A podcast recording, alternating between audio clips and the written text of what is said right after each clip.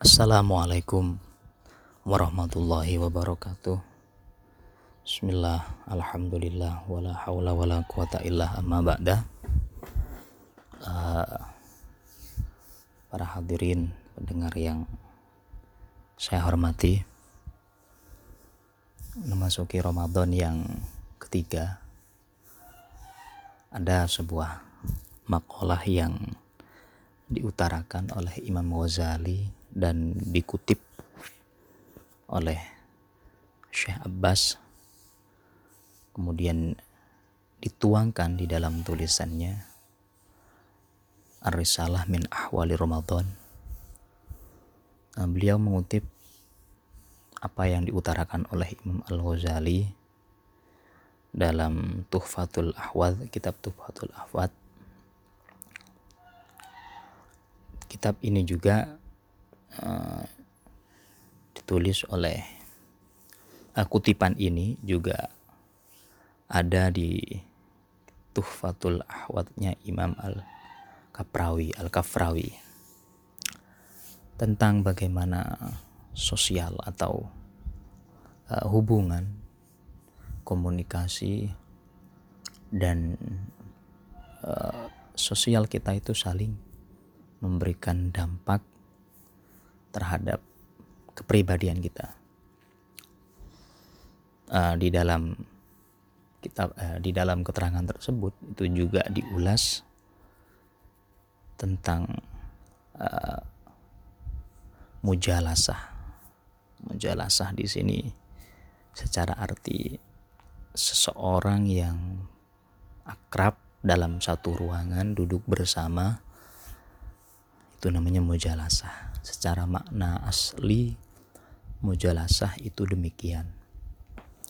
Akan tetapi mujalasah di sini juga bisa kita dan memang seharusnya diperluas maknanya di mana mujalasah itu juga bisa diartikan sebagai circle atau sekeliling kita atau lingkungan sehingga juga bisa dikatakan sebagai uh, lifestyle atau sosial kita di di kehidupan secara bersama dengan beberapa masyarakat bahkan keluarga terdekat kita.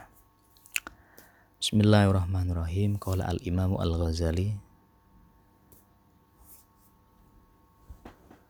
Mujalasatul harisi wa mukhala Mujalasatul harisi wa mukhalatatu tuhariku tuhariku al hirsoh jadi ketika seseorang itu bersama-sama dengan seorang yang bijaksana itu juga akan secara tidak langsung mendorong perkumpulan tersebut atau sosial atau hubungan tersebut eh, mendorong seseorang untuk berperilaku berperilaku sama dengan uh, seseorang yang ditemani atau seseorang yang menjadi partnernya.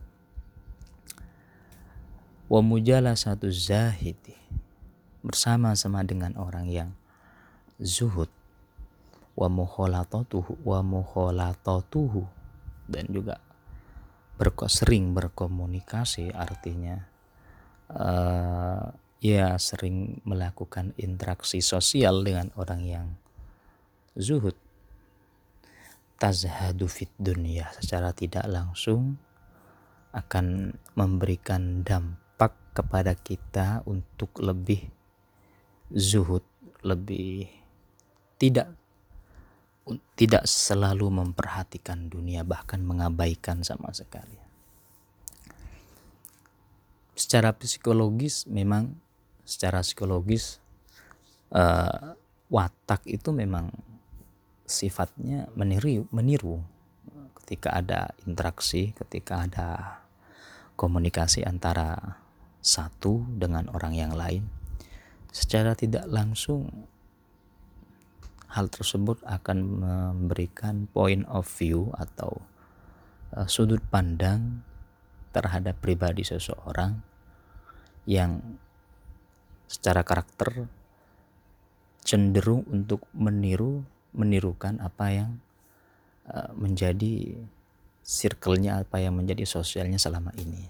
Ya contoh kecil mungkin ketika uh, seseorang yang mencintai, uh, menyukai penggemar salah satu uh, fans, salah satu klub sepak bola tertentu atau salah satu uh, genre musik tertentu atau salah satu sinetron artis dan semacamnya itu secara tidak langsung dia akan uh, mendapatkan informasi tentang karakter dari sosok yang ia idolakan atau sosok yang selama ini ia perhatikan sehingga akan menuntun alam bawah sadarnya untuk berperilaku sama seperti apa yang ia senangi atau apa yang ia cenderungi.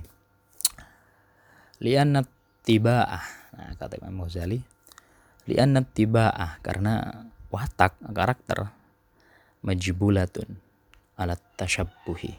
Itu memang sifatnya tasyabbuh, menyerupai wal iktidai dan memang uh, mengekor itu loh. Artinya karakter seseorang itu memang setiap seseorang itu memiliki karakter untuk meniru sosial mereka. Artinya meneri, menirukan eh, hal-hal uh, yang ia lihat hal-hal yang ada di sekitarnya. Terlebih kalau memang uh, sesuatu yang ia lihat adalah sesuatu yang memang ia cenderungi untuk ia suka gitu loh.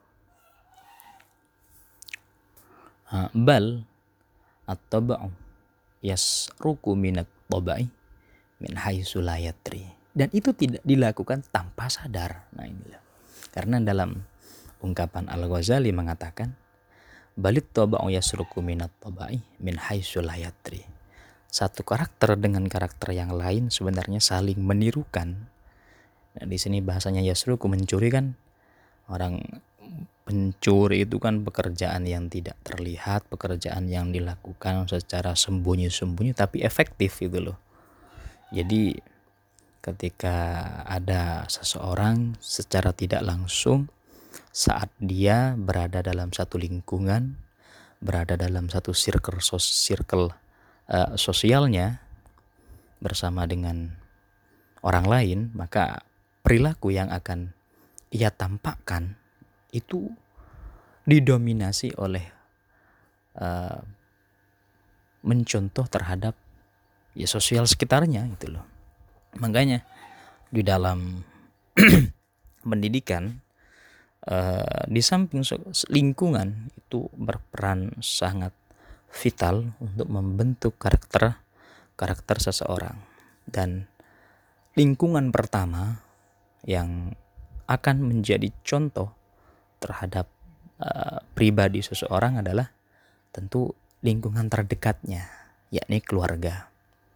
Jadi kata Imam Ghazali, ketika sosial seseorang tersebut adalah orang yang al-haris, yang bijaksana, secara tidak langsung karakter seseorang tersebut akan terbentuk menjadi seseorang yang bijaksana. Pun pula sebaliknya ketika ia berada dalam satu lingkungan yang mungkin negatif, maka hal tersebut akan berdampak pada kejiwaan, akan mempengaruhi kepada karakter seseorang untuk berperilaku negatif sesuai dengan lingkungan di mana dia berada.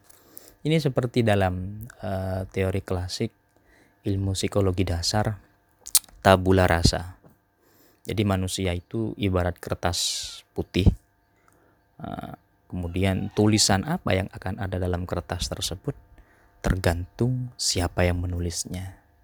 Ini teori dasar. Saya lupa siapa psikolog yang mengatakannya yang jelas ini sama dengan pendapatnya Imam Al-Ghazali di mana uh, tiba karakter kepribadian seseorang itu yasruku minat tabai min haitsu secara tidak langsung ketika antara satu karakter dengan karakter yang lain maka akan saling curi mencuri, akan saling mencontoh, memberikan dampak terhadap perilaku dari karakter seseorang. Jadi pada intinya uh, Imam Al Ghazali juga mungkin membenarkan teori tabula rasa tersebut karena teori-teori dalam psikolog uh, ilmu psikologi uh, ilmu psikologi dasar itu ada dua dua hal yang mempengaruhi kepribadian manusia dan salah satunya adalah teori tabula rasa tersebut. Sehingga uh, majalas majalis majalis majalis atau circle sosial dari seseorang lingkungan dari seseorang itu akan memiliki peran yang vital akan memiliki peran yang uh, berdampak sangat besar, berdampak signifikan terhadap kepribadian seseorang. Sehingga tak ayal ketika seseorang berada dalam lingkungan yang positif akan membentuk karakter yang positif. Ketika seseorang berada dalam lingkungan yang negatif, itu juga akan memberikan uh, dampak karakter yang negatif. Saya kira tinggal di mana lingkungan tersebut. Tinggal bagaimana kita menyikapi dan tinggal bagaimana kita mengidolakan satu satu lingkungan atau satu karakter yang lain. Dan hal ini tidak tidak hanya terjadi di dalam dunia nyata. Maksud saya uh, di mana di akhir-akhir ini atau mungkin uh, sudah sudah beberapa dekade yang lalu media sosial juga Eh, memberikan sebuah dampak yang signifikan terhadap kepribadian masing-masing uh, person. Artinya circle pertemanan uh, konten apa yang menjadi asum menjadi asupannya setiap hari kemudian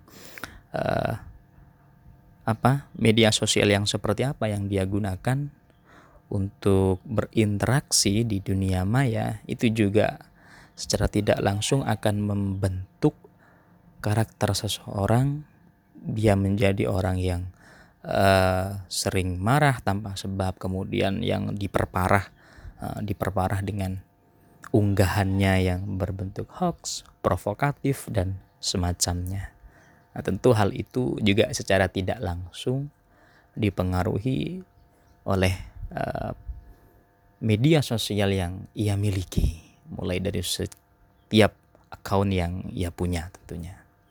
Jadi pada dasarnya kita punya kontrol penuh terhadap diri kita untuk memanage, mengatur kita ingin menjadi seperti apa atau kita ingin menjadi apa. Juga tergantung dari karakter serta lingkungan yang ada. Oke, saya kira demikian. Sekian, mohon maaf.